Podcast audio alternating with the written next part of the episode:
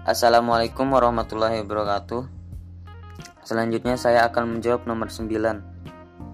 Contoh penerapan janji dalam bisnis dan keuangan menurut fatwa.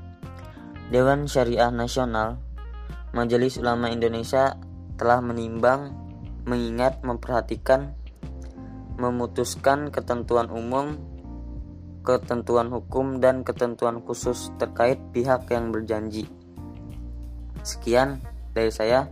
Wassalamualaikum warahmatullahi wabarakatuh.